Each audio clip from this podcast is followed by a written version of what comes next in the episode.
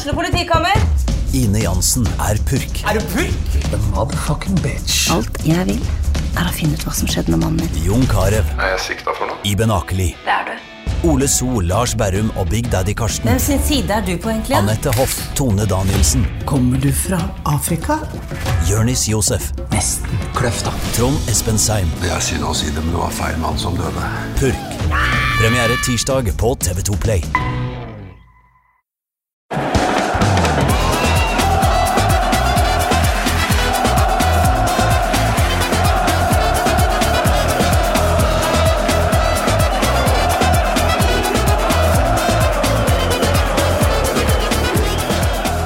Welcome to this year's first edition of Parla Inglese, the um, special Piro and Pivo episodes in which we speak English with someone from a foreign country. And uh, today's guest is none other than Mr. Ben Wells. Welcome to the show. Hi, mate. Yeah, thanks for having me on. I was saying before, it's sort of my debut on a Norwegian podcast, so it's good to finally finally get there. It's kind of the final frontier, isn't it? It is. It is. It's a, it's a sort of a tough boundary to cross. So, yeah, I was, I was quite happy when you slid in my DMs to to get me on. So, Yeah, I mean, um, we were talking a little bit beforehand, and um, we agreed that it's probably a good place to start on this, um, you know, highly unprofessional, low-key kind of podcast, as opposed to, you know, anything Eurosport would do or or TV2 or something. What was the word? Daunting, like that. yeah, yeah, dawn, yeah, quite dawn. Yeah, Yeah. And just to set the um, set the narrative, I'm opening a can of beer right now, and so, I'm, we're on. still, I'm still on the coffees. So I'm Really? a bit behind it. Yeah. Well, it's it's the early evening now. I know I'm not one of these people who stops drinking coffee at a certain time, but I've just moved. I've just moved house. So I've been sort of unpacking, and it's it's been stressful to say the least. So Well, that moves me into um, into your flat uh, more more or less um, because your your Twitter bio says you're in London, right? yes, yes, correct. Yeah, And today we're kind of flipping the um, the script a bit because usually when I do these episodes for my Norwegian audience, it's someone you know from from a different country talking to my Norwegian audience about his or her country's football. Today we're actually addressing an international audience with um, a foreigner's take on my football. Yeah. Uh, because you're sitting there in London and your uh, work, as far as Twitter tells me, is um, that you're a professional senior analyst um, for something called Football Radar, and your specialty is Norwegian football. yes, yeah, What does that entail?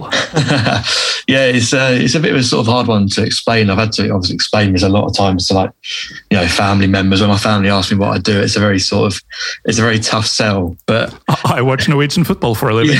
yeah, it sounds like I don't do anything, but uh, which isn't far from the truth, I guess. But no, it's Football Radar. We're a company. We we do sort of statistical modelling. Um, you know, a lot of data stuff. We cover football around the world. So we've got you know analysts covering every league you can think of, pretty much in Europe, uh, South America, everywhere. Um, and yeah, I just happen to be the Norwegian analyst, and I've been doing that for about five and a half years. I think this is my sixth season now, so it's been quite a while. Um, but yeah, I guess like, like sort of day to day, it's it's a lot of research. It's a lot of you know just basically trying to be as as big an expert as I can in Norwegian football. You know, with what was my my previous knowledge when I first started. You know, I, I knew nothing about Norwegian football when I started, other than this sort of very obvious stuff. So yeah, just sort of getting trying to build up that knowledge over the last few years has been been really fun to be honest. And yeah, it, it's good. It's a good company to work for. It's a very enjoyable job, and yeah, there's a lot of different aspects to it. But yeah, the crux of it is yeah, I cover Norwegian football, and every time there's a match day, I'll be on it, sort of thing, like previewing it, you know, watching the games live, stuff like that. So yeah, it, that's essentially it, I guess. Well, it it sounds like kind of a rabbit hole to fall into, though. I mean, as you said, your, your company covers football from you know every league imaginable, and uh, I mean, how how how do you end up covering Norway?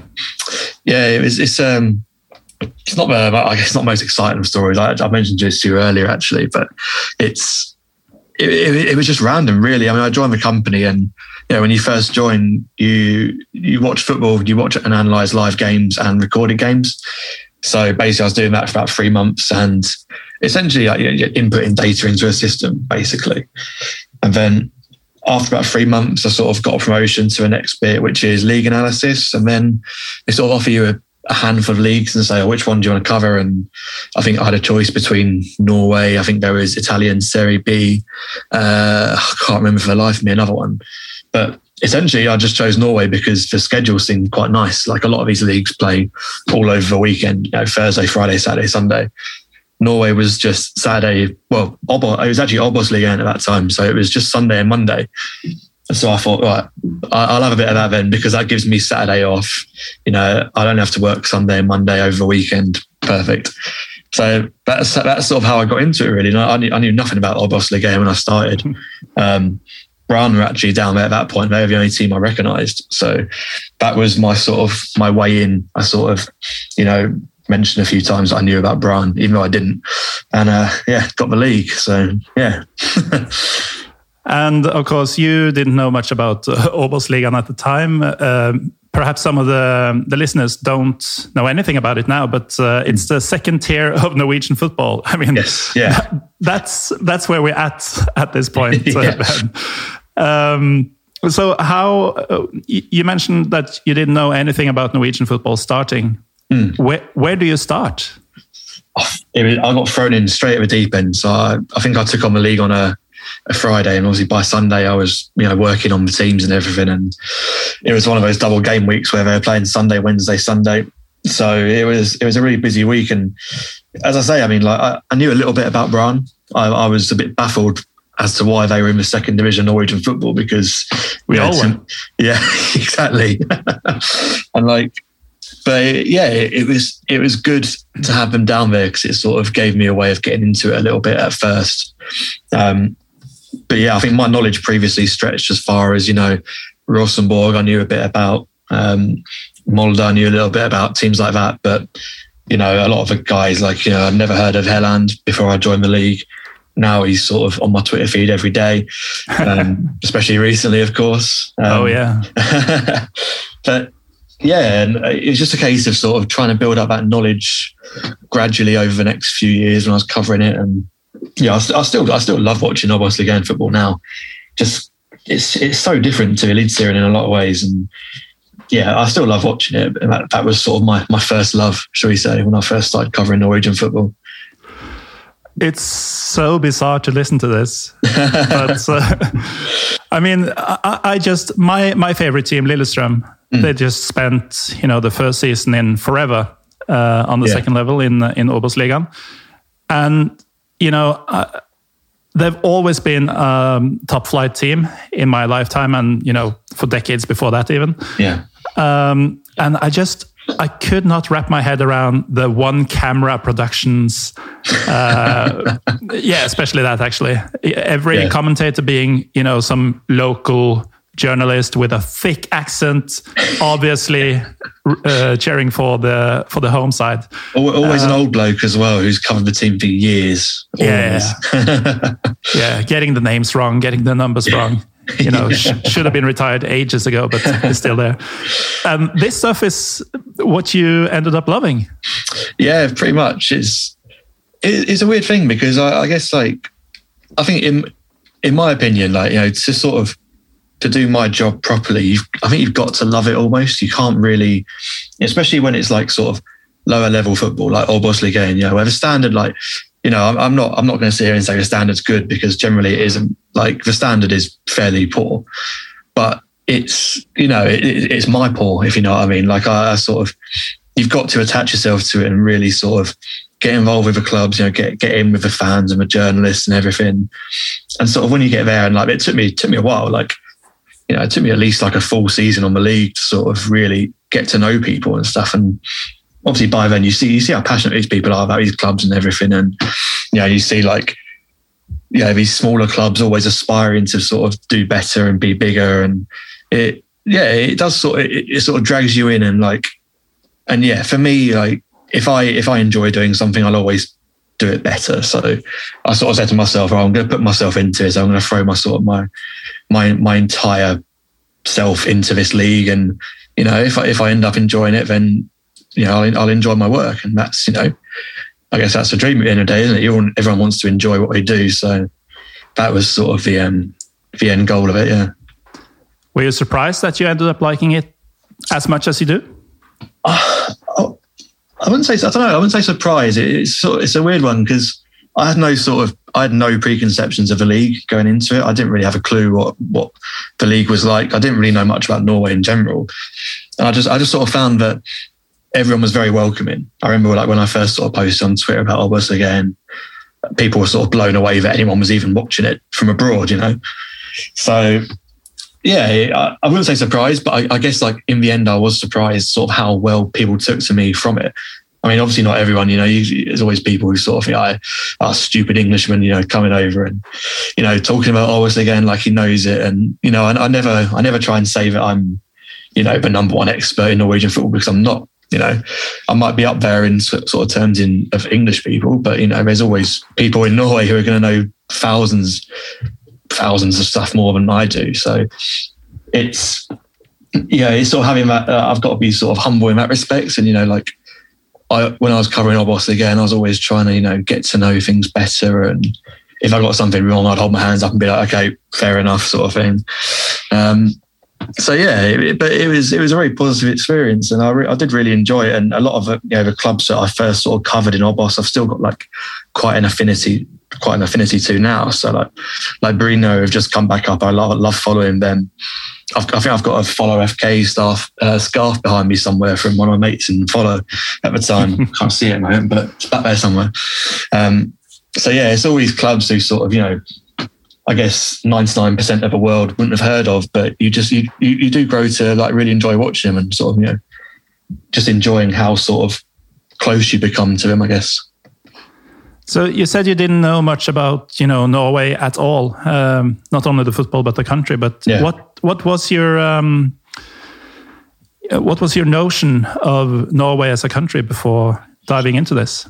Yeah, I guess it's sort of it's more more just like uh, it's it's always listed as one of the happiest countries in the world, isn't it? So um, I sort of went into it thinking, okay, like you know, these guys they pay ten pound for a beer and they're still going to be happy about it. So yeah, they, they have got to really enjoy living there. Um, but no, it's in terms of like the sort of um, personality of I guess like Norwegians in general. I didn't really have any sort of preconceptions of that, and I was sort of surprised at how sort of I guess similar like my personality was in a way. Like I think my sense of humor is pretty similar to the sort of a general Norwegian sense of humor, sort of like self-depreciating, ironic sort of yeah. sort of stuff, you know. Um, but uh, yeah, there's like a few things that sort of took a while to get used to. I guess I think it. I think you've got a thing called um, I don't. I probably pronounce this terribly. Uh, Janteloven or Janteloven. That's pretty good. Which is it good? Um, which I've heard of sort of quite a lot. You know, the sort of people don't want to big themselves up if that's, yeah, I, I, mean, you yeah. can correct me here because I'm probably not mm. saying it completely right, but and that was sort of hard to get used to, I guess. Like you know, running a Twitter account, talking about Obos-ligaen, and like if I'm doing an interview like with a local paper or something, you know, I don't want to come across as like uh, you know, we got a saying over here like Barry Big Bollocks. You know, like I don't want to come across like I know everything basically. Um, but then it, it's sort of hard. It's hard to avoid that. You know, being an English guy covering the league because people are always going to say like, oh, like I said earlier, like, oh, this guy doesn't know what he's talking about. So that was quite hard to get sort of get get around, I guess. But I think I'm more used to it now, and it's sort of you know I'm not, yeah, I'm accepting of it, I guess. Yeah, and uh, I'm guessing you know having been quite vocal on uh, on Twitter, especially for quite some years now about Norwegian football, I think um, most people have accepted you as someone who, who knows his shit. I'd, I'd, hope so. Yeah, I'd hope so. I mean, I, like I say, I'm still not, you know, I'm still not as knowledgeable as you know, you know, guys who have followed their clubs for ages, and yeah, that's fine by me. I mean, I'll speak to like, yo, a couple of the Tromsø fans who I'm sure you know. I think Marius Helga was on your podcast before as oh, well. Yeah, he's been a couple of times. Yeah, these guys. If I yeah, if I speak about Tromsø and I say something wrong, then I know that they're going to be you know tweeting me, telling me. Yeah. Yeah, I, I, I love them. Like they're, they're top guys, but I, I know full well that if I say something that's not quite not quite spot on, that I will be told about it.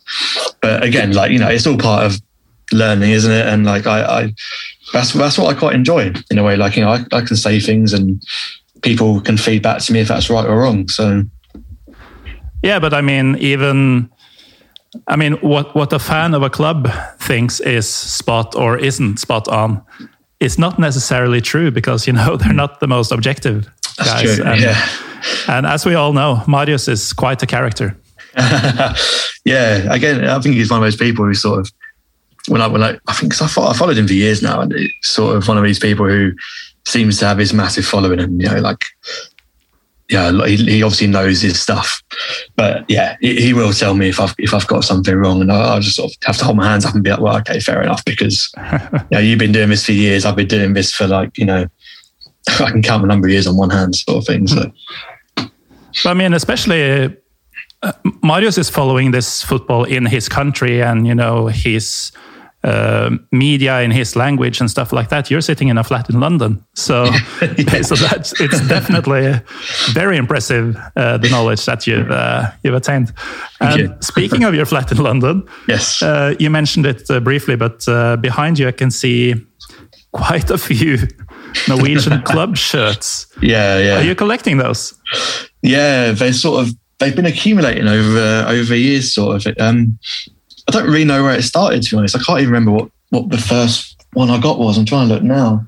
I think Well, the the first, one- I think the first one I got one was a was a Jerv one because you know I know I know when I first started covering um, Obos, Jerv are one of my favourite teams, and uh, I just I just love the sort of I don't know if they had they had like Ohi Ohi Omoijuanfo, they had uh, Tonny Brochmann guys like this, and they were playing such nice football. I think they got to the playoffs two years in a row and lost both times to Stabæk. Oh, yeah, yeah. Yeah, I think it was Stabæk times. Yeah, and Yeah, so I think that was the, yeah that was the first shirt I got, and it's just been sort of accu- slowly accumula- accumulating over the years. I mean, some of them I think like I sort of do like at the end of the season I message a few players who I might sort of know from Twitter and sort of ask if they got any spares going, stuff like that Oh, yeah. um, or you know buy from club shops and yeah it's getting a bit out of control and i don't think my girlfriend's too happy that i've taken you know one of the biggest amounts of storage in the flat to put these shirts up but yeah That- i'm not going to put them in a box That rack there is one of the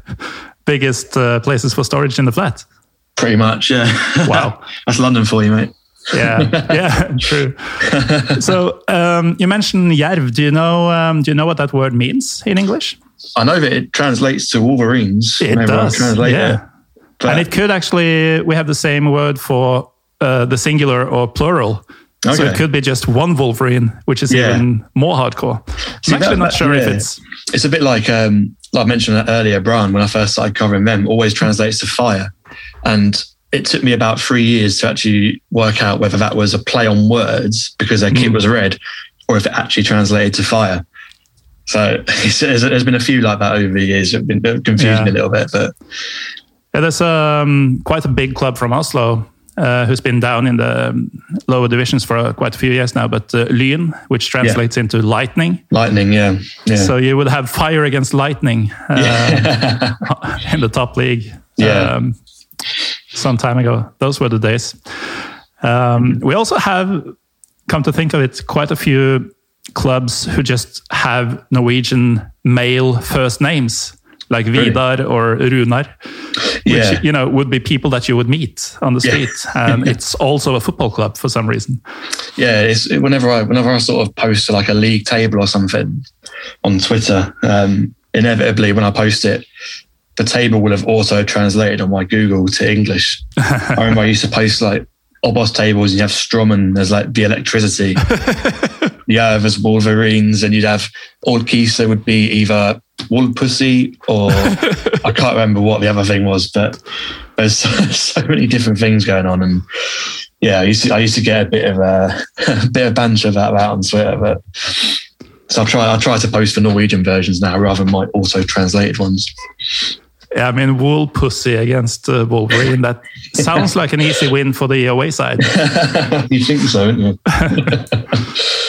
So, um, having followed Norwegian football, was this going to be your sixth season? You said. I think this is my sixth season. Yeah, it's, it's been about five and a half years, so it's six seasons, I think now. So, what what what's it been like to get to know, in, to immerse yourself in in Norwegian football from afar? It's been, yeah, yeah, I've I've really enjoyed it, and I think it, it's. I think I've done it at quite well, inadvertently done it at quite a good time in a way because it does seem like Norwegian football's going through a bit of a a bit of a purple patch at the moment in terms of you know both players being produced and also you know outside interest in the league. I think I've it's never been higher really. I mean, yeah, when I when I first started, I mean, I've never had like a, a big following on Twitter. When I first started, it, it, it was quite small and I've definitely noticed over the last couple of years a lot more people from abroad and afar have been following and you know becoming more interested in Norwegian football. Mm. So I think in that respect, it makes it um, a lot more exciting to follow, just because you know there's a lot more eyes on the league now than there was say three or four years ago when I first started, and you know especially the Eliteserien and Obos-ligaen, and you know I've got there's so many scouts and like analysts and you know agents as well, bloody hmm. agents mm. in my direct messages like all the time asking if I know any clubs and stuff like this. And so it's, yeah, it's been really good. I, I really love it. I love, I, you know, I, I, personally can't speak highly enough of the football here. And I know, I guess like I know, I know the limitations to it. And I know the sort of the issues involved as well, but you know, to me, I always have sort of um, an optimistic view of it as an outsider. I guess I don't have that sort of uh, pessimism that I guess you find with a lot of Norwegian fans with you know their clubs and stuff. I always try and look to you know the positive things because I guess generally like my experience has been positive. So it's quite hard for me to really be uh, too sort of damning of the league, I guess, or you know any of the leagues. And I mean, you've been so into this that um, at some point you even had a podcast about it. Yeah, yeah, we did for a little bit. It was um, me and my uh, my ex co-worker, uh, another Ben. We we did a podcast called Reverse Nisselue, which was a name suggested to us. Um, yeah, it was a name suggested to us on Twitter actually, and oh, uh, I, I knew what the sort of premise of Nisselue was, so we were trying to flip that as like you know English guys interested in Norwegian football rather than Norwegian guys interested in English football. Yeah, which um, is usually what we mean by yeah. Nisselue, because yeah. I mean Norwegians are excessively interested in English football yeah. and have been for you know 50 years. Yeah, uh, yeah, and that's it's definitely something you notice, and like it's one of those things. I think very quickly I sort of became aware of on on Twitter. You know, the whole Santa Claus emoji stuff from mm-hmm. Matt Scar and stuff like that. It's quite hard to avoid, isn't it? But yeah. um, but no, we um yeah we did this podcast. It, it was a really really fun podcast to be fair, and yeah we it was, I guess, like quite short lived, and maybe it'll come back one day. But it should. I, I, would hope so. I would hope so because I did. I enjoyed doing it, and we. Oh, oh sorry, I just banged my desk there. I'll start that again. no, yeah, we enjoyed doing it and had some pretty good guests early on as well. I think well, we had Omar Elabdellaoui on, which was amazing for us. Like, mm luckily like Omar just you know responded on on Twitter and came on and you know to have like the vice captain of Norway you know come on to a podcast that was about I think five episodes in at that point it was it was amazing and yeah, and it's all from it's all from a tweet or a tweet message. yeah. I mean, it's it's amazing to me. I, I've been doing this for almost five years now, and pretty much everyone just says yes if you can just yeah. get a hold of them. Yeah, be, yeah, sure, that sounds fine. When is good? That's the thing. I, I think I just tweeted Omar out of blue, and he just followed me back and went from there. And it was, I, I remember like we were, we used to record these podcasts in the basement at work because we had a little there's a little podcast studio set up there. Mm. I use that with inverted commas because it was it was just a basement. Because um, we used to do like a football radar podcast way back. I remember sitting there on the phone to Omar Elabdellaoui and just thinking, what is going on here? What is what am I doing here? Like this is this is crazy sort of thing. And I I remember being a bit starstruck for the first sort of 10 minutes of the conversation before it's before finally sort of getting a bit more comfortable with it. But but no, again, it's like it's like you say, I mean, and I think I mentioned it before, sort of just how open people are in Norway. I don't know if that's uh, that's something that you guys recognise, sort of as like a nation or anything, but like, you know, it, in terms of my experience on Twitter and following Norwegian football, it, it like you know, if I need something and I message someone about it, and you know, people are always more than happy to respond generally. And yeah, when it and especially like when it came to podcasts and stuff, like it was, you know, we had like Kristian Thorstvedt on who was you know excellent. Like it's just it just makes it the whole thing a lot more a lot more immersive, I guess, like to follow. Mm. And, and I and I, I, I get why sort of you know you see it a lot more in Norwegian football with like players responding to people on like Instagram or on Twitter. Yeah, you know, like if if I'm, I'm a Liverpool fan, unfortunately. You know, if I, if I want to speak to someone at Liverpool, even like a youth team player, it's just not going to happen, is it? Whereas, you know, if, if I wanted to get in contact with someone in Norway, then pretty much you're only a tweet or a Instagram message away generally. Yeah. Or just, you know, message or even call the club and they will yeah. give you the number for the player. Yeah, exactly. I mean, and it, yeah, it, it's but again, it, it makes it so fun to follow for me as an outsider. You know, coming into the league and having you know no previous ties with it to then sort of be you know accepted fairly quickly. I guess it yeah, it just makes it a much more positive experience overall. Uh, you you kind of touched it um, touched touched on it uh, yeah. now, uh, saying that uh, people are are open here mm. and helpful. I, I think um, in places like Twitter, definitely. But yeah. actually, a lot of Norwegians think of ourselves that we're kind of you know shut down, hard to get get yeah. to know, uh, stuff like that. But um, I mean, you've been over a couple of times since you started doing this, uh, yes. watching football, meeting people. Yeah. What are we like, the Norwegians? I think, yeah, I think I think it's probably fair to say that I guess it's quite hard to read Norwegians in, in person. It's quite hard to sort of, you know, for me, to sort of to read what someone's intentions are. That sounds quite dodgy, but I mean, like we are dodgy. In, ter- in terms of like emotions, I guess it's quite hard to read, especially with like the older generation. I guess mm. maybe not so much with um, people sort of you know my sort of age, your sort of age, but I think you know from people when I've been to I've been to La, Man- La Manga a few times, for example, like for pre-season stuff. And a lot of the time, if I, if I meet like a journalist who yeah, it's my sort of age, then it's it goes very smoothly, sort of thing. Yeah. But then if I come across, like we mentioned earlier, some of like the old the local club journalists, it's a lot harder to sort of to sort of read like their what they're thinking about me, I guess, as an outsider coming into the league. Um, not in a bad way. It just it's just one of those things, isn't it? And like I've never I've never really I've never had like a a bad experience, should we say, with you know anyone that I've met from Norwegian football, every, everyone's been you know really accommodating and. I remember like um, going over for the cup final. Uh, Kongsvinger were playing against Rosenborg, mm. and yeah, I, I, I, chatted to like a couple of Kongsvinger fans like a little bit before the match and everything. But we ended up like you know going out drinking the night before, and I think I only paid for one round the entire evening, which you know helped my bank balance. But you know, I felt quite bad in the end. Like everyone, people were buying me drinks and stuff. Like they were all just so sort of blown away that some random Englishman was coming over to watch Kongsvinger in the cup final.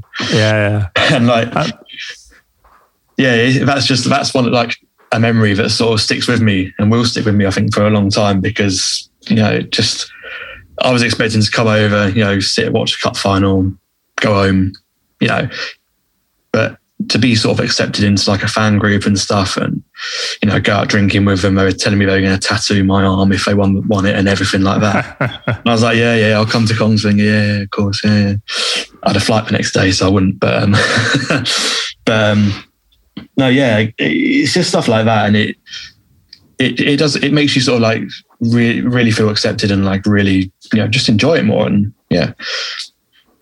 Yeah i mean um, it, it's funny because I, have been to Turkey quite a few times, uh, yeah. both for footballing reasons and, and other reasons. And we don't really have many similarities, Norwegians and Turks, but mm. one of them is what you just mentioned. We just get so crazy excited when someone from a different place, a different country comes and takes interest in our football and especially our club.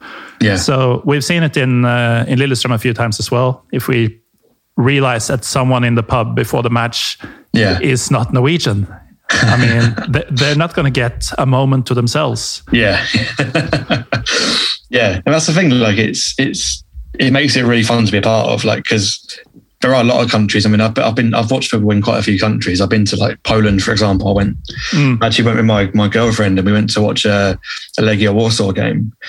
And I just remember standing there and there was a couple in front of us um, who were foreign as well. I don't know where they were from, but it was um, there was a couple in front of us and they were basically filming the ultras from the stand next to ours.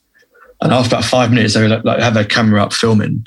One of the ultras has leapt over the fence, grabbed this poor guy's phone, put it on the floor, and stamped on it. Oh, wow. Yeah, and I was I was stood there with my girlfriend, and I was like, right, you know, don't don't move, don't say anything, just you know, Enjoying yourself, babe? yeah, I'd rather not get beaten up, you know. and these these poor guys in front, they're only, they're only sort of my age. They they end up leaving, and I felt so bad for them. But like, and I but I was thinking to myself like, would that happen at a Norwegian game I've, I've been to? I, I wouldn't expect that to. It may have done in the past, but you know, it, it but the culture is quite accepting. I think in general, and it is sort of like like you say, like it's welcoming and. And I have felt that sort of throughout the last five years or so. I mean, uh, we had some uh, some Greek fans over. It must be more or less ten years ago now, but um, it was a derby between uh, Lillestrøm and Vålerenga in um, in Lillestrøm. And uh, I don't know if you've ever been to Åråsen, but um, from the well, Lillestrøm has about fifteen thousand people living there. But Yeah. let's say downtown Yeah. towards the stadium, you have this, you know, stretch of um, of a kind of a main uh, residential street, Yeah. uh, which takes you know not more than ten minutes to walk. But um, uh, you have this kind of march up to the stadium, and these Greek guys who support Aris from Yeah. Thessaloniki, uh, they realized that uh, on one of the balconies, on like the third floor, there Yeah. was a Vålerenga flag, and some Vålerenga fans were you know preparing for the match there. And the fact that no one actually climbed up on their balcony on the third floor and, and fought these people and invaded their home, Yeah. that made them, you know, yell out stuff that this is not a derby, Yeah. Okay. which was. It was almost as we got embarrassed for not being, you know, Yeah. ridiculously violent on, on match day, but it just isn't us. It is. a bit- It's funny, but you say that because even like to me, Norwegian football for me, like the rivalries do seem uh, like the big rivalries. I guess like they seem a little bit more bitter than they do in England these days. I think. I think the rivalries in English football have been diluted a lot recently by Yeah, you know the lack of local players, the, the sort of the amount of money in the game. You just feel sort of so far from you know the club you support. Whereas I think in Norway, still like because the clubs just seem a lot closer to the fans. Still, I think there's still that passion there, and you know we saw, we saw it with Lillestrøm and Vålerenga a couple of years back with the whole pyro debate, you know, and like the pyro stands and everything like that, and.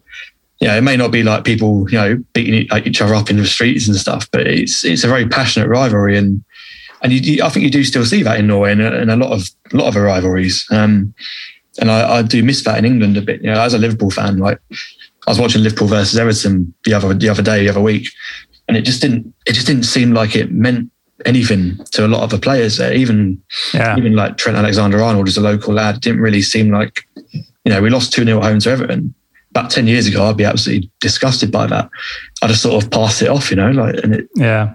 and it sort of makes you a bit sad and but I guess that that's just how football's going in the major leagues these days. But Yeah, and I actually have a theory on on just what you said about the Norwegian derbies and rivalries. Now, uh, I think it's connected to that because um, the uh, let's call it ultras uh, who support the Norwegian teams. They, you know, maybe they're not more than thirty people supporting cer- certain clubs and stuff, Yeah. but I think these people, because of what you see in the Champions League, in the Premier League in particular. Um, the distancing between the clubs and the fans, stuff like Yeah. that. I think it's kind of made you realize how important this is to you and how important it, it should be to everyone. yeah, So I think the intensity level goes up uh, for those who, you know, clearly prefer Norwegian football. They really Yeah. want to, you know, own that and and own their relationship to their club to show that this is a different thing than sitting on your couch. Yeah. no offense to you, Ben, watching your favorite uh, team uh, abroad. no, but it's it's true. Like, and you know, I'm a Liverpool fan with no connection to Liverpool. I'm a I'm a Liverpool fan because of Michael Owen back in the day. So it's never going to mean as much to me as it would do for a Scouser. So it is sort of you know a bit maybe not completely reliable. Me saying about you know the Merseyside derby, for example, but yeah, I, I, I agree with you in terms of Norwegian football. Like it just seems like a lot of the fan clubs and stuff. They just seem a lot closer to clubs. They seem like they can actually, you know, if if if Lillestrøm did something bad and their fan club came out and said, "We don't like this. We think you should rectify that," Lillestrøm would probably hold their hands up and be like, "Okay, we'll, we'll probably do that, or we'll look into it." You know, whereas Liverpool or something or a big club, any European big club, generally the fan groups don't have much say on it really, and it, there's no accountability, I guess, in that respect. And it does it just makes you feel a bit more distant as a fan. And I think I just think in general with with, with Norwegian football, it's the whole sort of the package. It's like I mentioned earlier with like you know you get players responding to fans on Twitter and stuff, and you know standing up for himself on Twitter or you know engaging with mm. fans, and it's all these things. It it does just bring that core fan group a lot closer because you feel like these players actually they do really care about playing for a club and they do care about what people think and obviously it's not the case you know 100% of the time but generally i think it does it, it improves sort of engagement between fans and the clubs themselves Absolutely. And also, you know, most Norwegian cities and towns are quite small. So, yeah. Uh, for example, if you're a Tromsø player, a Molde player, Lillestrøm player, but even you know Rosenborg, Viking, Start, mm. you you will meet the fans on the street, on the supermarkets and stuff like that. You you're living the same life as the fans. Yeah, maybe yeah. your house is a bit fancier or something like that, but that's not even a given because well, yeah. the salaries aren't that um, that huge in, in most clubs. So you know the the distancing between well, the, the barrier between a, a player and a fan is actually quite small compared to a lot of uh, countries.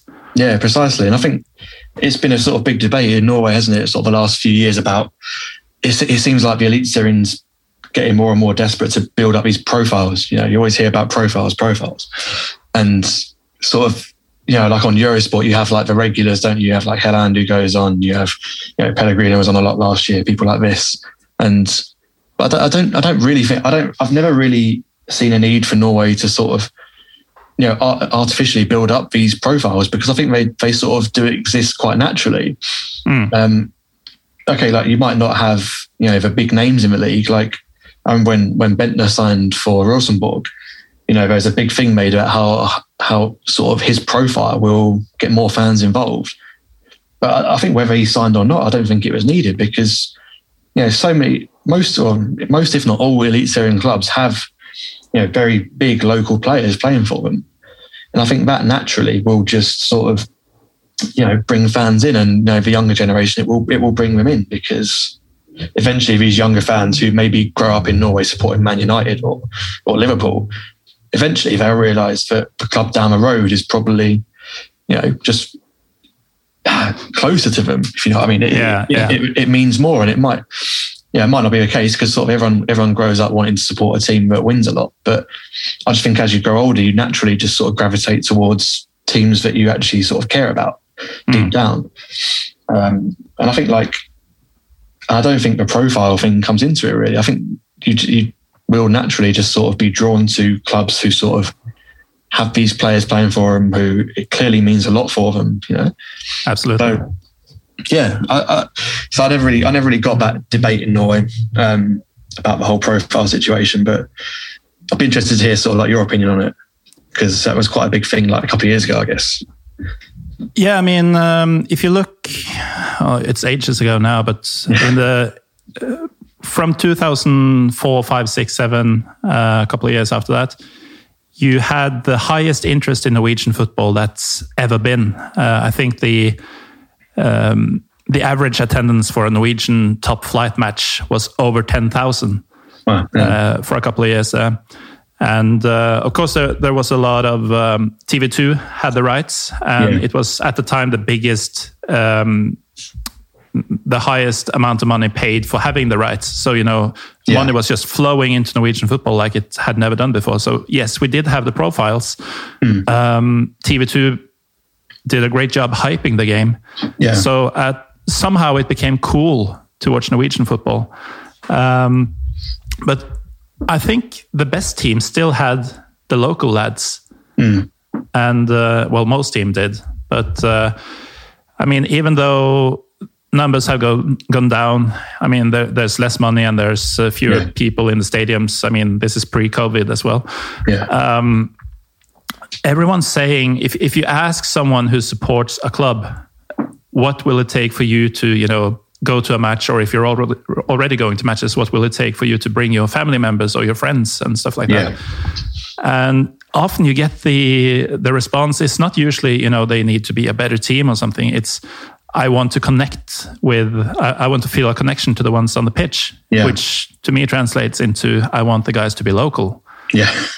And uh, Yeah. you know, if, if they are local, chances are you know their your their father or you went to class with them and stuff like that, which is you know quite unique when when you usually watch Juventus or Manchester United or Bayern Munich. Yeah, I think yeah, it's a, it's a good point. And I think like it's it's true that uh, I mean I've definitely noticed it a lot more that when I first started covering Norway, a lot of Eliteserien teams they did just want to bring in profiles. You know, like whether they're past it or not. You know, Bendtner came in and was good for a year and then obviously tailed off because he was past it at that point. But a lot of teams doing well recently, they have succeeded because they have had local players. You know, you look at like Bodo Glimt last year, obviously, you know, I mean, everyone's heard about the story already, but, you know, Saltnes, Berger, um, you know, guys like this, the core of that team was local and the, uh, all the youngsters coming through were local. And I know you probably hate to hear it as a Lillestrøm fan, but Vålerenga are doing the same sort of thing now in terms of a lot of their up and coming players are from Oslo. You know, they're, Yeah. local, they're local lads who have grown And up in even the club. eastern parts of Oslo, which Yeah. is you know what the club uh, claims to be. Yeah, exactly. So, and I, I did a whole article about, actually about the Vålerenga Academy about how they sort of, they used to almost like poach players from local clubs, whereas now they're sort of developing their own and they're actually they're actually forging links with local clubs rather than sort of stamping on them. Yeah, And all of that, it sort of obviously it it benefits the team on the pitch because you've got guys like Sahraoui, you've got guys like you know. I can't think off the top of my head, but you know, a lot of lo- local lads who are performing yeah. well. Näsberg, Dønnum. Yeah, of course, and Klassen, and Mm. And it, uh, that will translate to you know getting more people in the stadium eventually because people, like you said, people want to see local lads doing well, and it was exactly a Vålerenga fan I interviewed for the article said the same thing that you know when you're in the stand and you're watching someone who could be your neighbour, yeah, p- playing very well, then it's always going to give you more of like a a want to sort of watch that team because you hmm. just feel more connected to it. And I think like that was a mistake the Elite Serie made sort of, I guess like the era you mentioned, the sort of 2004 era where clubs were buying names rather than sort of players who could actually fit into a system or players who could connect to fans. And Yeah, that sort of, I guess, obviously, I mean, we mentioned Lynn earlier, didn't we? They, they sort of went down a similar path. And obviously, that wasn't the reason why they went bust and dropped down the leagues. But, you know, I guess, I guess that was a big part of it, sort of that want and that need to sort of try and bring in names rather than yeah. you know, players who will actually connect. And the finances just didn't add, add up in the end. So, so yeah, it's it's interesting. Um, but yeah, it's, it's it's been really good to see like a lot more local players being given a chance recently, and I think that's mainly due to like the lack of finance. I think maybe if clubs had more money, they probably would go back to you know signing names potentially. Yeah. But I'm hoping that you know going forward, it'll give them more of a more of a chance to sign it or bring through their own. I guess.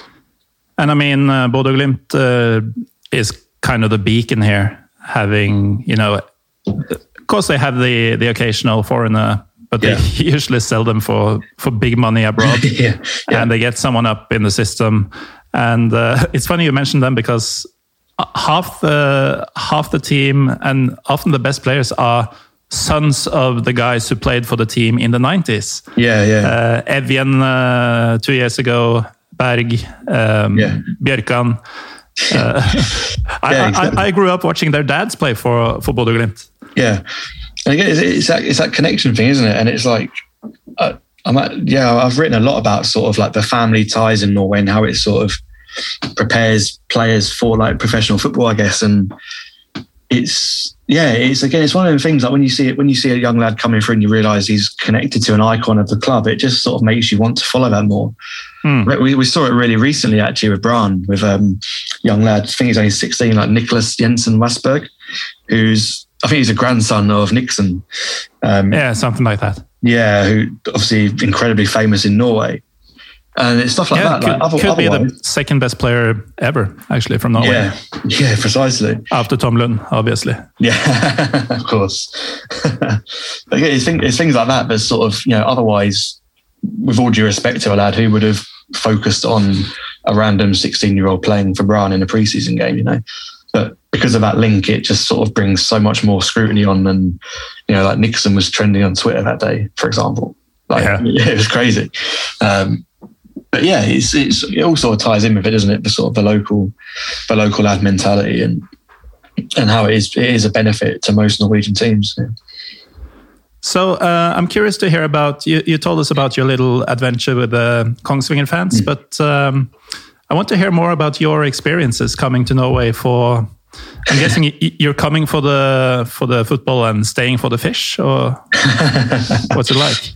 Well, the thing, the thing is, I've been over been over three times now. Uh, twice for a cup final, and one just a sort of uh, pleasure trip, should we say? Which was the Um, other cup final? Sorry, uh, the other one was recently. I've completely forgot. Uh, I have to remember this now. It, it wasn't. It was not 2017 with uh, Lillestrøm and uh, Sarpsborg, no, who was it? I can't even think now. because that you wouldn't have forgotten. who was I in can- 2019? I have no idea. I'm having a nightmare. It, it wasn't us. Clearly wasn't a very It was- memorable one. Well, 2018 was uh, Strømsgodset and uh, Rosenborg. Yeah. And then 2019, this is embarrassing. Oh, happy- you, you went to the 2019 one then. yeah, Uh, obviously it wasn't A for- very memorable. forgettable Oh no, no, sorry, I've, spectacle. I've completely, I've, I've absolutely messed it up. So it was Viking Haugesund. Right. Yes, of course. And to be fair, it wasn't very memorable because it was one of the worst games I've probably seen um, live. It was so bad, but um, but no, that was yeah, that was the second time coming over, and um, but yeah, so I've completely forgot what the question was. Well, I just wanted to hear about your um, your experiences in uh, in Norway, football related or not. Yeah. Uh, yeah, it's it's interesting because I don't actually. I'd, I'd love to get over more for for domestic games, but like sort of with my job, I am I work at weekends, and obviously like, my work is covering Norwegian football, so I have to generally sort of be on my computer when games are happening. So actually getting over for a league game is fairly impossible unless I'm I've booked holiday. So so yeah, when I do come over, I've, I've come over for a cup final, and again like both really positive experiences. Like I remember uh, the second cup final where Viking Haugesund won. I remember going to a sports bar. I can't remember what it's called. Ball maybe ball, ball or something. It was called, but it was it was in Oslo. B A L L as in ball. yeah. Yeah, I remember I I went in there and met a couple of couple of guys I know from on Twitter and stuff. Uh, one of the first things they said to me was, "Morton, Morten Berre is over there." And I remember looking behind me. I was like, "Where? Where?" They're like, yeah, "The guy over there just sat there." And I sort of stood there for about fifteen minutes, and I was like, "Do I do I get a do I go and say hello? Do I get a photo with him?" And I was like, "No, I can't do that. I can't do that." He was just sat there enjoying the um, the playoff final. I think between between uh, Lillestrøm, I think it was Lillestrøm and somebody else maybe. Oh yeah, don't don't remind me. No, so but yeah, um, yeah. Anyway, so that was just just sort of seeing like you know an icon generally of Norwegian football, sort of just sat in a pub like on his own, just watching watching football.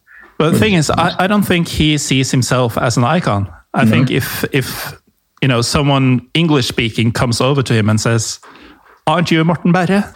Yeah, May I take a photo with you?" yeah, He would be almost too blown away. yeah. But I guess does, do you think that sort of plays into like what I was saying earlier about like the whole Janteloven thing? Like you don't want to Yeah. recognize your brilliance almost. Like Well, the thing is, he, he was never brilliant. He he was decent for about 15 years, and you know, 10 of those were spent in Vålerenga. So he's a Yeah. he's an he's an icon, but it's not really on uh, on being a great player. He was just you know great Yeah. for the club. Yeah, but to be, I guess to be fair, he was. Like, I I'd heard of Morten Berre before I'd started covering Norwegian football, I don't know how, but I, I had, and he was one of the sort of names that I think when I first started watching it, he was on his way out. I think he just joined, Skeid back in 2015, 2016. Um, but yeah, it, it was just like amazing to me. It's like just seeing like someone like a domestic icon, should we say, like just sat in a pub, you know, just Yeah. unbothered by fans, just watching a bit of football. Um, but yeah, like I guess like a lot, a lot more of my sort of my memories of Norwegian football was to do with like La Manga and going over there for pre-season because that generally always gets a little bit loose, doesn't it? Um, you know, players, staff, journalists, and whatnot, and. I, I really vividly remember um, just sat there watching with um, my mate Perry, who I used to work with, who you might have heard of from Twitter as well, um, who used to cover the Elite Series, and we were just sat there watching a game, and Ronny Deila was just walking around the outside of a pitch, you know, sunglasses on, on the phone, always on the phone. And I remember like one of the guys we was, we were speaking to just saying, he's really hungover. You can tell he's hungover. And I'm thinking, I'm not surprised because everyone was in, um, I can't remember what the cafe, the cafe was called now, or the bar. There's a bar, C Bar, that's it, C Bar, where everyone used to go sort of after all training matches were done and just basically drink until, you know, until they fell asleep. Um, so yeah, a lot of like, a lot of like the experience I've had with have come from La Manga and just sort of, you know, just just meeting characters there. I met like Lars Shanus, I think this is how you say his name, Shanus. Maybe. DJ AR NUS. Um, but yeah, again, like just meeting all these sort of these big names in Norwegian football and Yeah. they're all just being sort of so welcoming. It's just like, it's just fun. And it makes it just so much more a fun experience. Yeah. I actually went to La Manga once myself. Yeah. Um, and um, it's just a it's just a strange experience, isn't it? It's really- it's really seeing weird the place. the players and everyone like that, but also Yeah. at least the first time. I, I only went once. I'm assuming you thought the same going Yeah. down for the first time. Oh, nice! It's February. I'm going to Spain, get some sun, Yeah. and it's just never-ending gusts of wind and sand being blown everywhere Yeah. Yeah. and you know just freezing temperatures at night at least and it's just it's just such a very it's a very strange place. It's very like it's very what I would call sort of Brits abroad. Like you go there and no one is Spanish. You know, very English people who have bars, sort of thing. Um, and yeah, it just like the whole atmosphere of it is it's almost like you're sort of locked into this area, and you can't really leave it because there's nothing nearby. So you've got to go everywhere within this place, and you can sort of see why players who might be doing training camps there might just get so bored and you know resort to going to the bar and stuff. And you know, you've heard I've heard a lot of stories about you know players, you know, with the Mr. Stan Collymore one Yeah, yeah, precisely. and the fire extinguisher I think in the piano bar yeah, yeah, I think it was. And there's been so many stories, like not just Norwegians, obviously outside of Norway as well. Of just players, you know. You know, I've heard stories about Kristoffer Barmen over there and stuff of Brann, like, you know, and it, it's but it's just such a strange place, and you always sort of can't blame players for getting a bit sort of like cabin fever there, and yeah but yeah, it's just it's just funny. It's just it's just fun meeting all the players. I remember um, when Fredrikstad were in Obost when we had um, Jan Halvor Halvorsen, I think, managing them, and I remember sitting down with. I was I was basically watching a Fredrikstad game, and I sat on the corner of like the pitch just watching it. One of the Fredrikstad players who I knew from Twitter, I won't name him because otherwise he'll probably get in a bit of trouble, came over and just basically started mouthing off about the coach. He was like, he subbed me off. He subbed me off. He doesn't know what he's doing. He hasn't got a clue. He hasn't got a clue. He's been here a year. He hasn't got a single clue. I'm just sat there. I'm just sat there like, yeah, mate, yeah, yeah. Didn't know what to say to him, but I was just, just mad. Like someone being so open about that sort of thing. On the side of a pitch his manager, just like four meters up there. Like, but yeah, just things like that. And I'd, I'd, I would love to get over to Norway more, like to watch like a domestic league match and stuff. But Mm. obviously impossible at the moment. But you know, potentially in the future. Um, hopefully that's on the cards. So yeah I know um, me and uh, probably quite a few listeners will will cover your beers no, I feel I feel bad. I feel too It- bad. it's what we do when people come because we we know what it's like yeah. But uh, come, uh, speaking of beers and um, and La Manga, I um, I brought, or me and my friends, um, we brought you know a plastic bag of beers from um, from the nearby supermarket or Yeah. something in, into the stands because you know it's a it's a friendly. why not? There's no security there. Yeah. Um, so you know, we're standing there drinking uh, when Lillestrøm is playing. We're you know chanting a bit, which is ridiculous because we were four people, and it was all the sound that we may or may not have produced were just taken by the wind anyway. Yeah. Um, but at some point, I spilled beer on the guy in front of me, Yeah. and he turns around, and it's Lars Bohinen. oh God. You know, that's how big the world is when you go Yeah. to La Manga. Yeah. and that's the thing. Like, I, I dread to think of sort of like the first time I went to La Manga was in 2016. Uh, at that point, I didn't know anything. You know, I, I dread to think of like the amount of people I've sort of crossed who are like, you know, very well known people in La Manga, and I've just sort of ignored them, you know, or or just yeah, not had a clue who they were. so. I'd love, to, I'd love to go back at some point if they do go back over there for pre-season. Not, I didn't go to Marbella when they went over there, but yeah, it's always it's always fun because you get you, you get to see like the new signings and stuff come in, and yeah, you get to see how how a team actually behaves around their coach and stuff, which is you know it's like a level of insight that's so valuable to like what I do as a as a job, but you don't you don't get that anywhere else really. So that's hopefully on the list of things to do yeah next couple of years as well. Yeah, and that's another place where you know whoever Norwegian who follows uh, his or her local team is. Uh, you can actually go and watch the training sessions. Yeah. I mean, it's La Manga all year around. you, you, you can go and watch it. You can talk to the players and the coaches, uh, depending on what kind of um, place it is and what kind of club it is, obviously. Yeah. But uh, the stuff you said that you can see how they behave around their coaches, around each other. Yeah. Uh, does it seem like they're forming into cliques? Stuff Yeah. like that. You, you can actually see it with your your own eyes instead of you know reading the Sun or whatever to Yeah. try to figure out what's happening in your club.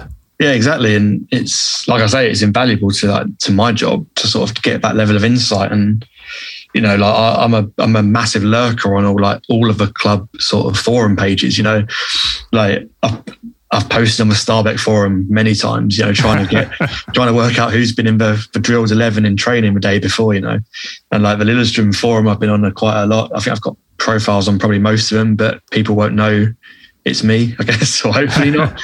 um, just trying to sort of like get get information out really, and it's it's great for that because you just, you just don't get that level of insight anywhere else. Yeah. Well, I can say um, I don't know about the other clubs, but uh, in Lillestrøm's case, uh, pretty much everything moved over to a Facebook discussion group uh, a few years back. So uh, the the old forum, the message board, is more or less dead. Yeah. So yeah. um, that's probably where you should go uh, next time if you're looking for something. I'll take that. yeah. But uh, Ben, you told me, um, or actually your your Twitter bio tells me that uh, there's a book on the way.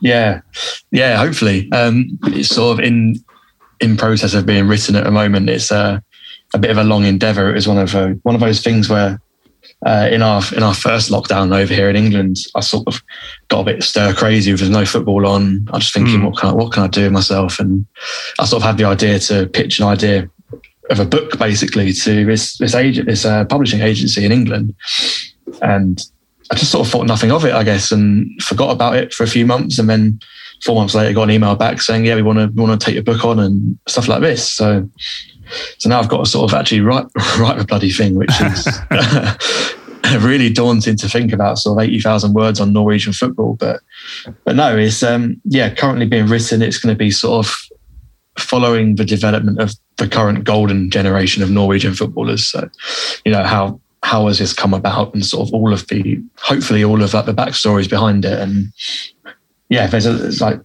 you know chapters on the Eliteserien chapters on artificial surfaces you know which sounds really dull but hoping I'm hoping it won't be when I write about it. And chapters on you know like like we sort of mentioned earlier the family ties and things like this. And and yeah it's it's going it's going well so far. And I'm, I'm hoping to get like quite a few sort of decent interviews in there. Um just sort of been conducting a few over the last few weeks. And so, yeah, that will hopefully be out in 2022 at some point. Um, yeah, my deadline's at the end of this year. So I've got to sort of get a, get a wiggle on to get it out, get it out in time. So, long story short, it's um, obviously an English book on Norwegian football, Yeah. focusing on the so-called golden generation, which is, you know, it's uh, those are big words considering they haven't actually done anything yet. This uh, golden generation of us. well, yeah, that's the thing. I, when I when I pitched the idea, it was around the time. Well, it was when Norway Serbia got rearranged, and I was hoping that Norway would win that match or win that tie and qualify, and it would sort of be the, the start of a golden generation. But but yeah, as it as sort of life is, it never goes to plan. And obviously, funnily enough, like for sort of obviously the next qualification is for Qatar World Cup, and now there's obviously a big debate about whether Norway are going to even go or even going to try and go to that. And you know, I've I've been against the Qatar World Cup for a long time since it was announced. Really, when it was announced, I remember saying, "I, I wish that sort of big nations would boycott this because Mm. if a couple of big nations do that, then more will follow." Um, but yeah, the problem now is, it from a selfish point of view, I want Norway to go because that would be good for my book. But, um, but no, no. In all, in all seriousness, I, I I completely agree with like you know a lot of the clubs now coming out against it, and I think it's been amazing to see like you know that sort of group effort to actually force the NFF's hand to do something about it. Mm. But that Um, could be that could be good for your book too, then, because that would be a story on its own. Exactly. Yeah, yeah, exactly. And I think like, I think that as over the course of writing the book, like I sort of started out with the vision it was going to be about the golden generation, how it all came about. Over the course of writing it, you sort of question yourself whether whether it is a golden generation yet, as you sort of say. And it's, I think it's one of those things where it's quite easy for like an outsider to say, "Oh, this is the golden generation of Norwegian footballers," because you've got Haaland, you've got Odegaard, all absolutely killing it. But then when you when you speak to people, when you interview people, it, it it does sort of there's a bit more doubt about it. So I think that sort of that um, opposite side of thinking is going to come into a book quite a lot as well, Mm. and hopefully it will sort of sum up a debate like is is this actually like a golden generation or not? And yeah, I guess I guess we'll see over uh, the next few years. But I mean, I, I do I do personally think it is a very strong group of players coming through, and I think the depth is a lot better than it was maybe you know Yeah. in previous times. I think like obviously the nineties is always going to be like the sort of the golden generation, I guess, for Norwegian fans, just because of how much the team achieved. But then I guess like you look at the individual ability of the players and think, well, this generation could be better, albeit in a very different way. I mean, you know, a lot Mm. more techni- technically gifted maybe than the '90s team, for example. Yeah, Um, so it's like, yeah, I guess like drawing those comparisons is always going to be like interesting. That's going to sort of form quite a, a main part of a book, I guess. And and yeah, it'll, be, it'll just be interesting to follow it, I guess, over the Hmm. next like couple of years, whether the, this team does actually live up to the hype or not. yeah.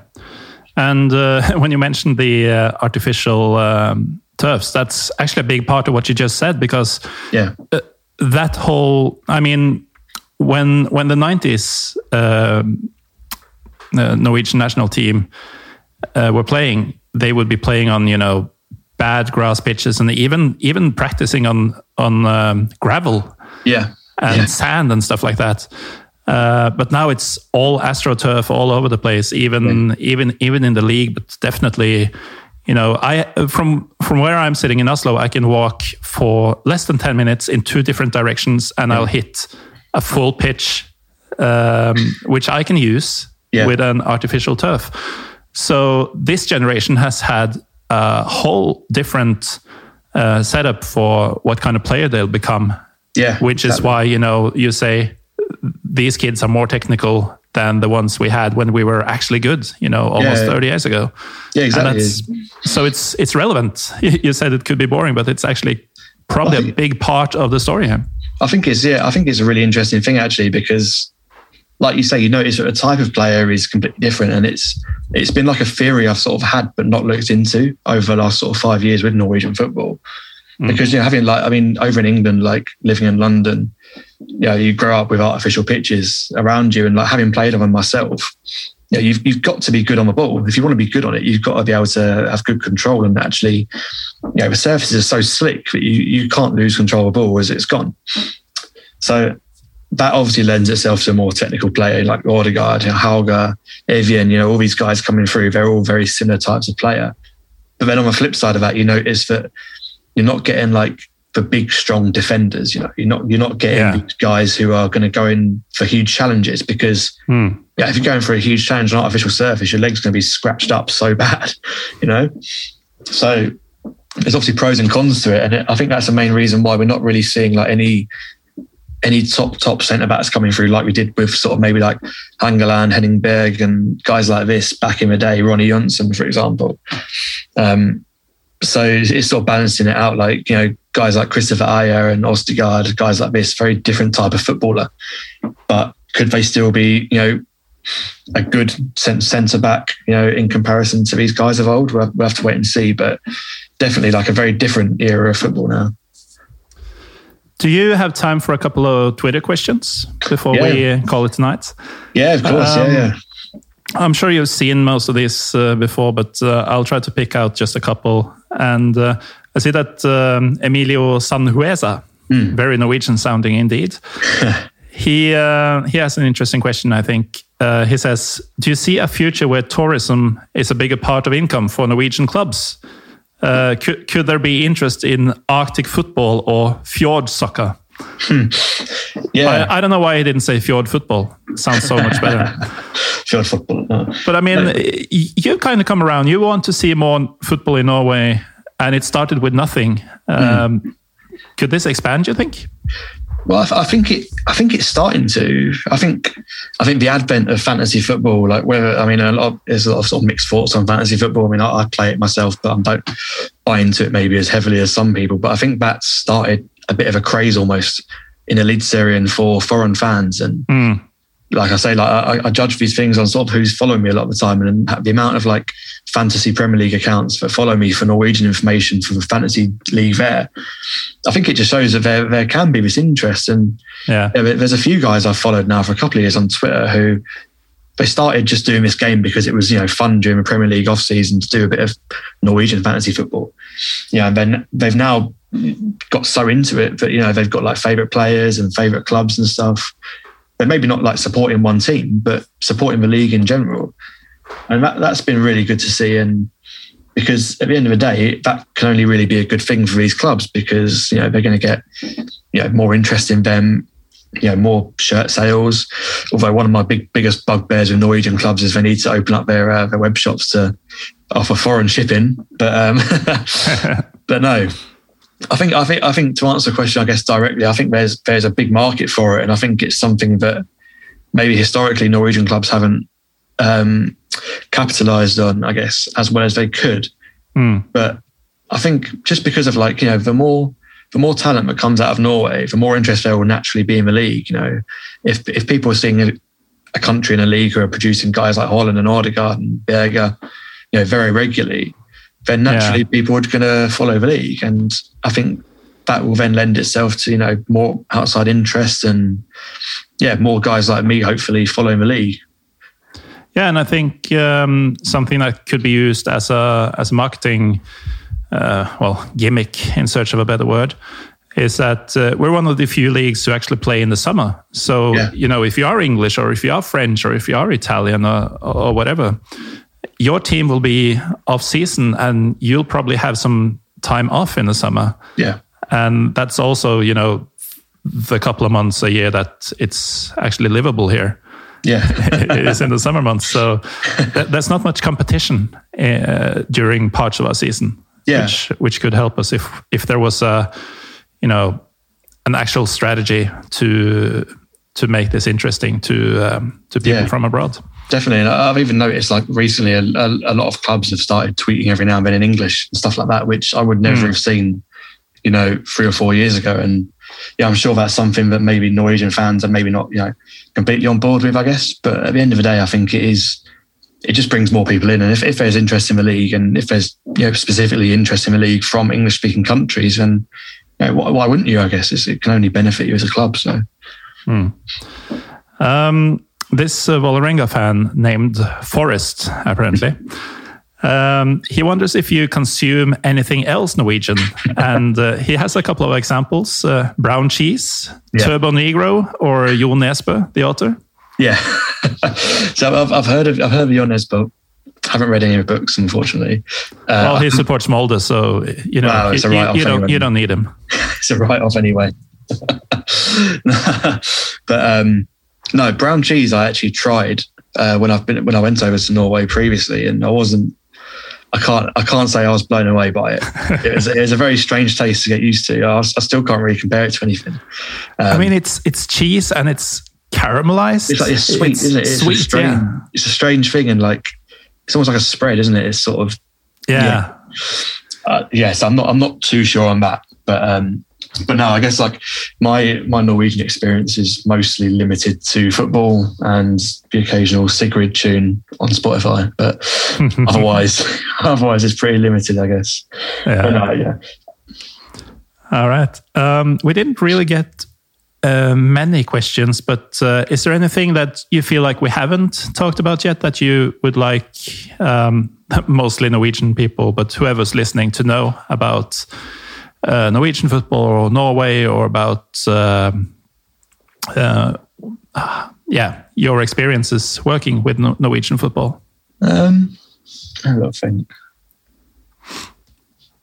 Or we could say that, you know, we have been talking for over an hour now and Yeah. uh, there's not really much more to be said.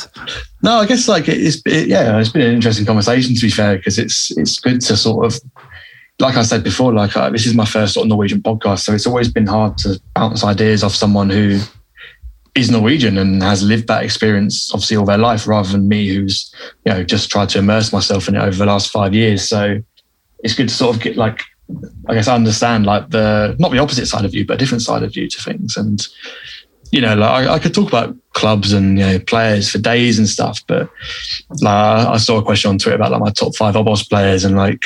Yeah, I don't get me wrong. Wa- Wasn't it top five Obos legends even? Well, yeah, but I, I'm, I, I wonder if my Obos legends actually count as Obos legends. You know, Do you have five of them? Uh, or, got- or three of them? Or I had to limit. I actually wrote a few down. I had to limit it. oh, let's do There's, it. there's so many. So number one, Robert Sten, Robert Stene. Oh yeah, So top scorer in Obos. Yeah, just someone who like at that level, unbelievable. At any other level, maybe not, but Obos Yeah. level, what a striker. Number He- two, he's one. He's one of the guys that you know. You say any other level, and y- you might. You're almost. It's like you want to take it literally. Like if he dropped down a level, he would be shit.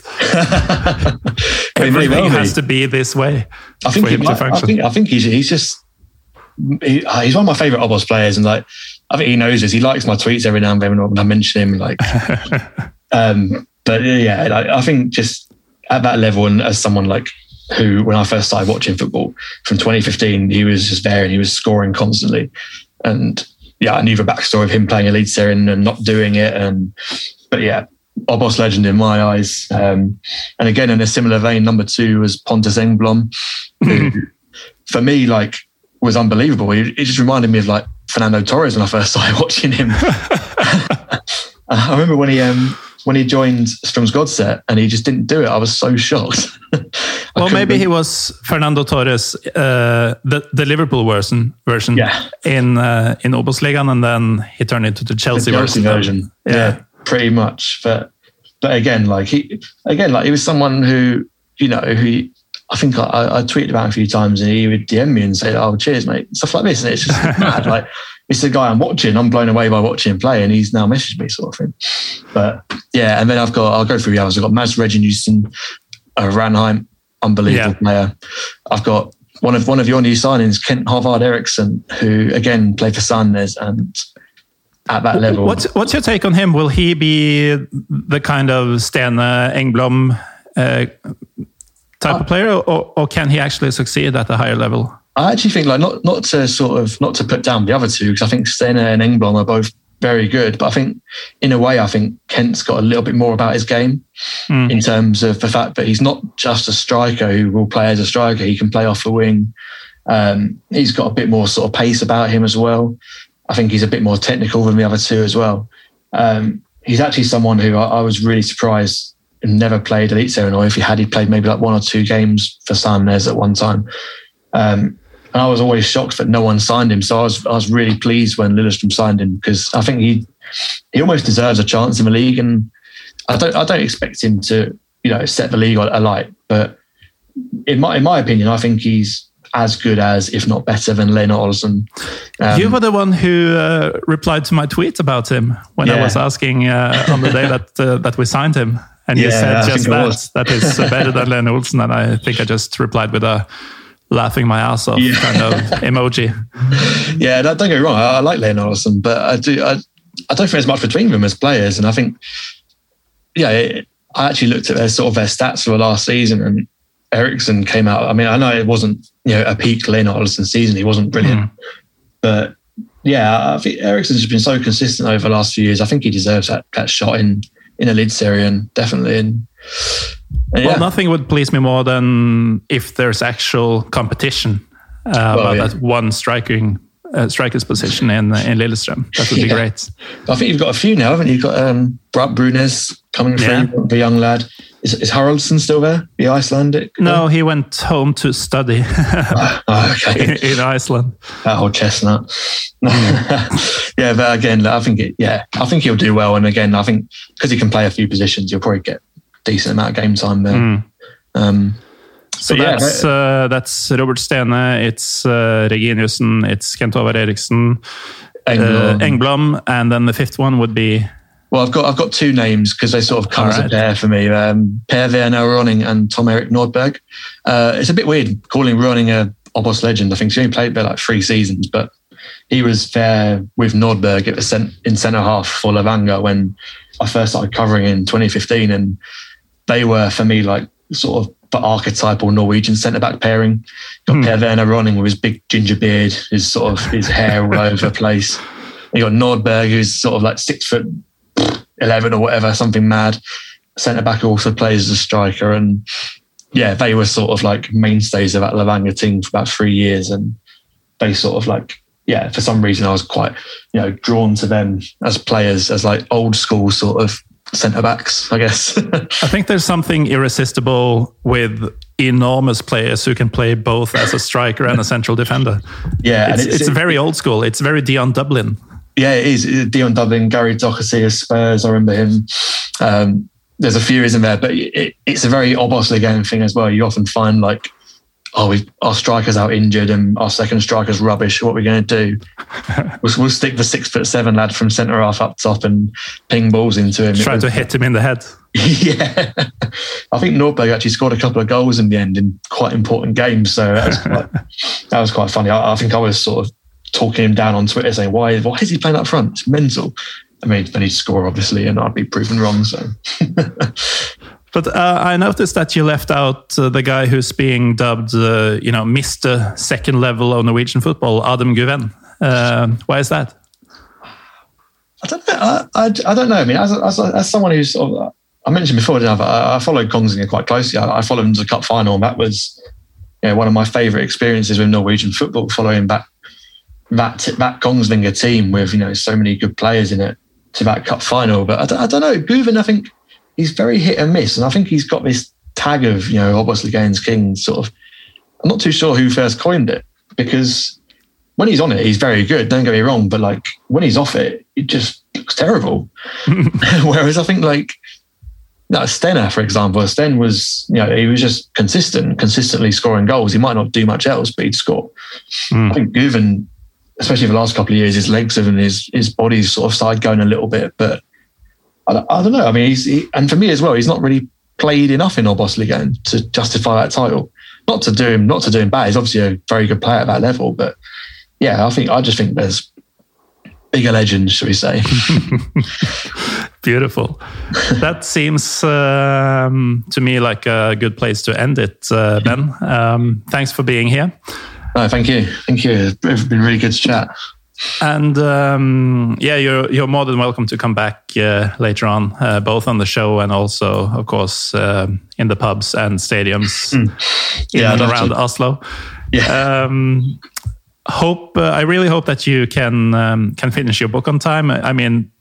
it, you still have nine months to do it. It's this lockdown is going to last for a while, so I have Yeah. high hopes for this. But uh, when Yeah. it comes out, I'll be sure to um, to retweet and uh, promote it in my uh, in my channels definitely, Thank and also pick up a copy for myself, of course. Um, Thank you. Anyway, um, Ben Wells, the um, most well, what what should we call it? Um, I think I tweeted uh, said your non-Norwegian man on Norwegian football, which Yeah. is I quite, I quite like that. Yeah, I quite like yeah, yeah, I liked it too. Yeah. Anyway, thanks, uh, thanks again for being on the show, and uh, good luck with your book. And um, well, uh, convincing your girlfriend to stay and accept the uh, the the rack of Norwegian football shirts in. Yeah, fingers crossed for that one. We'll see. But no, thank Yeah. you for having me on. It's been a been a pleasure. And to anyone still listening, thank you for doing just that. Um, we usually do this in uh, Norwegian, but when we do it in English, these episodes are clearly marked with Parla Inglese and a different logo. So if you browse back in our library, you'll find more episodes in English. And if you patiently await, then there will be more episodes in English in the future. Anyway, thank you and uh, see you next time.